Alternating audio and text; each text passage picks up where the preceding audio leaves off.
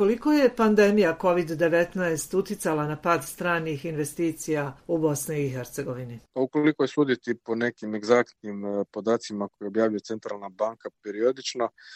prvo polugodište 2020. ako je neko mjerilo u odnosu na ovu godinu, onda su investicije manje za prilike 46%. Znači 2020. prvo polugodište je slabije odnosno na 2019. Ali uvijek treba biti oprezan sa procjenom zato što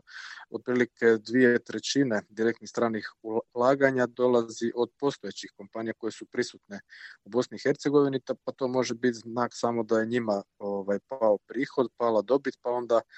ako nema dobiti onda nema ni reinvestiranja. U Bosni i Hercegovini znamo i sami da je vrlo složnjena situacija što se tiče ekonomije pa i politike bila i prije pojave same pandemije, a pandemija je samo usložnila e, tu situaciju i dodala e, dodatnu razinu nepredvidivosti stranim pa pa i domaćim investitorima. Nažalost, u situaciji kada Bosni i Hercegovini nema dovoljno domaćih resursa za ulaganje, smatram da su direktna strana ulaganja ipak jedan od najboljih, možda najbolji E, alat kojim bi se potaknula ekonomija. Ono što je isto tako u Bosni i Hercegovini jako važno, to je da privučemo i neke nove tehnologije, da smanjujemo CO2 emisije, da se fokusiramo na proizvodnju, jer ne postoji u zapadnoj Europi nijedan primjer uspješne, ekonomski uspješne zemlje, a koja svoj razvoj ne bazira prije svega na industriji. Koliko izostanak stranih ulaganja utiče na ukupnu sliku ekonomije u Bosni i Hercegovini? Opća ekonomska slika svakako je u Bosni i Hercegovini e, dosta ugrožena i prije pojave same pandemije pa i sada e, koji god parametar uzmete, kako ga god interpretirali, e, Bosna i Hercegovina uvijek nekako na samom začelju ovaj, svih tih pokazatelja, parametara što se tiče i bruto društvenog proizvoda po glavi stanovnika, pa i ostalih pokazatelja, vladavine prava i svega ostaloga, tako da u biti e, ovo samo dodatno komplicira oporavak Bosni i Hercegovine, a ono što, što mi očekujemo kao poslovna zajednica, to je da se politika prije svega fokusira E, na životna pitanja i na standard građana Bosne i Hercegovine, da se prije svega bavimo ekonomijom, ekonomskim pitanjima, da nam se otvore neke nove perspektive, da nam se omogući da e, taj kapital koji ipak dolazi u Bosnu i Hercegovinu, da se neometano investira, da ne moramo čekati, na primjer, 180 dana za razne dozvole, jer kad, kad investitor zna da je 180 dana da čeka bilo koju dozvolu, građevinsku ili bilo koju drugu, on se okrene za 180 stupnjeva i onda svoja ulaganje kapitala usmjeri u neku drugu zemlju. Kako popraviti poslovnu klimu koja je prema brojnim ocjenama bila loša i prije ove situacije sa koronavirusom? U biti ono što definira neku, ajmo reći, klimu, odnosno ambijent poslovanja u svakoj državi, to je, ajmo reći, neka predvidivost poslovanja, predvidivost ili nepredvidivost kretanja poreza. Mi u Bosni i Hercegovini, nažalost, imamo situaciju da je vrlo nepredvidiva situacija u tom smislu, imamo vrlo visoka e, porezna e, opterećenja. E, pogotovo opterećenja koja opterećuju privredu iz dana u dan i koja e, su čak nesaglediva. Niko ne, ne zna koliko ima tih neporeznih e, davanja, više od 3000 teško ih je sve i nabrojati, nešto je na kantonalnom nivou, nešto na federalnom, općinskom, državnom, tako da biti svaki investitor se susreće sa šumom nekih e, propisa i sa velikom neizvjesnošću pri ulaganju u Bosni i Hercegovini. Osim te neizvjesnosti svakako ono što usložnjava to je trenutna, a uvijek je to trenutna politička situacija kako u Bosni i Hercegovini tako i drugdje, a rekao bih pogotovo kod nas. Dakle, umjesto da se fokusiramo na ono kako da, da se razvijamo, kako da zadržimo mlade i sve ostale unutar granica Bosne i Hercegovine, prije svega razmišljajući e, i stavljajući u prvi plan ideje o razvoju, u ekonomiji, nekako imam osjećaj da u nedostatku vizije, u nedostatku takvih ideja koje bi nam poboljšale ekonomsku sliku, nekako političari radije pribjegavaju nekim podjelama i fokus stavljaju na nešto drugo što nije ekonomija, međutim danas vidimo i sami da sve više ljudi odlazi iz Bosne i Hercegovine, prije smo imali koronavirus, velike kolone ljudi koji odlaze iz BiH, danas imamo koronavirus, pitanje je šta je sljedeće, onda kad kombiniramo e, te negativne pojavnosti kod nas u društvu, onda nije ni čudo da smo uvijek nekako na začelju svih tih ekonomskih pokazatelja. Komisija za vrijednosne papire federacije ne radi, na što su upozorile međunarodne organizacije nedavno, a mnogo ranije i vijeće stranih investitora. Koliko to ugrožava ulaganje i sigurnost stranog investitora? Zapravo je vrlo frapantno da godinu i više od godinu dana ne radi e, Komisija za vrijednosne papire koja ima jednu od najvažnijih funkcija e, regulatora u ekonomiji u društvu. Kad e, sagledate, kad pročitate zakonske ovlasti te komisije, vrlo je jednostavno razumjeti i shvatiti koliko toga kod nas ne funkcioniše u tom smislu. Dakle, vi ako hoćete promijeniti, ne znam, članove uprave, ako želite ići na dokapitalizaciju, ako želite ići na e, izdavanje dionica, obveznica, bilo da ste kompanija, bilo da ste ovaj, kanton, općina, federacija, vi danas bez komisije za vrijednosne papire to ne možete uraditi. I to vam ukazuje na to koliko su isto tako paralizirane kompanije, ne sve, ali dio kompanija sigurno da, u tom nekom smislu, jer ne mogu promijeniti nekoga ko donosi ključne odluke, ko potpisuje odluke društva, ko rukovodi društvom, e, ne može se ići na smanjenje ili povećanje kapitala, na izdavanje vrijednosnih papira,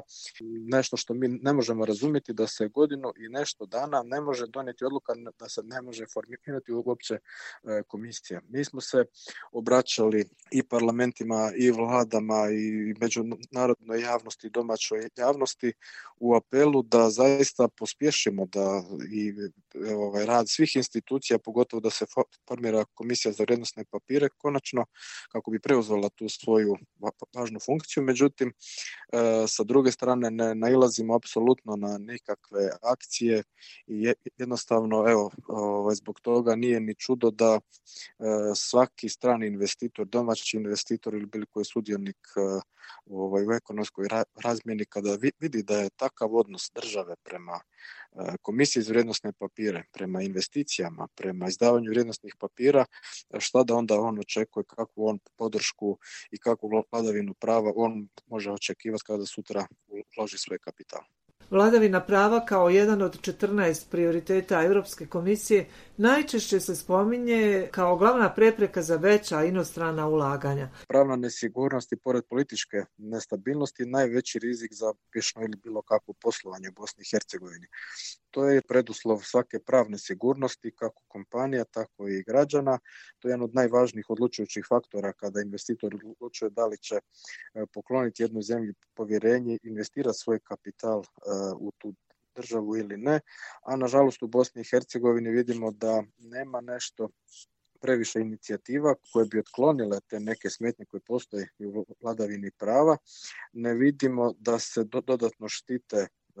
strana i domaća ulaganja. Ne vidimo da se toliko unapređuju i zakoni, a pogotovo je upitno i samo provođenje zakona. Jer ako imate najbolji zakon, a ako se ne provodi kako treba, onda, onda je upitno kakva je vladavina prava i zbog toga je e,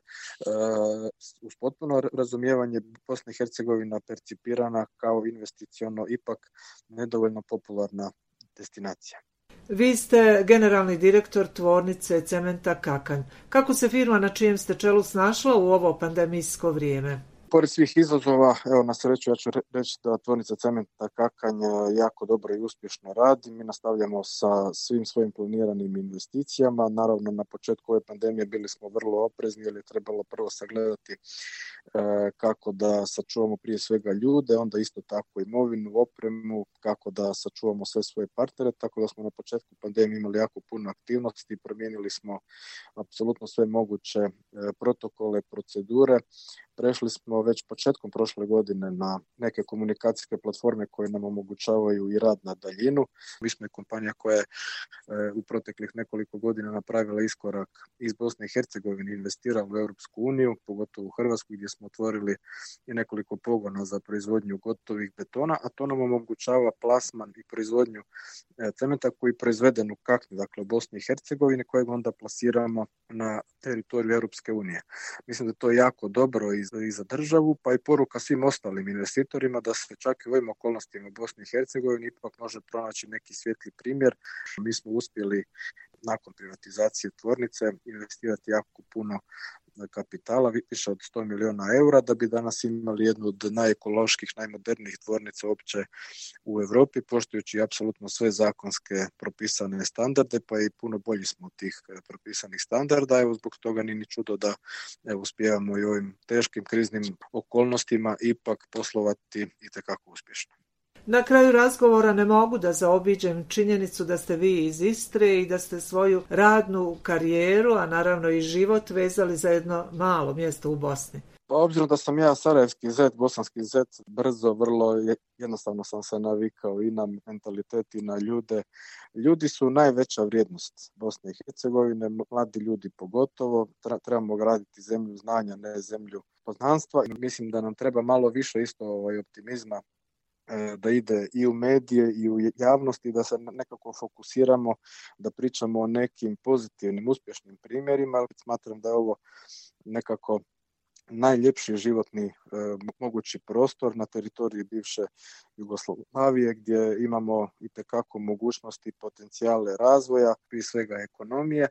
i svaki se trend u životu može ovaj, ukrenuti kako imamo sada situaciju da puno ljudi odlazi iz Bosne i Hercegovine, Hrvatske, Srbije, isto tako sa promjenom ne, ne samo ekonomskih već životnih okolnosti kada ljudi vide da se ovdje plati živjeti, kada si ti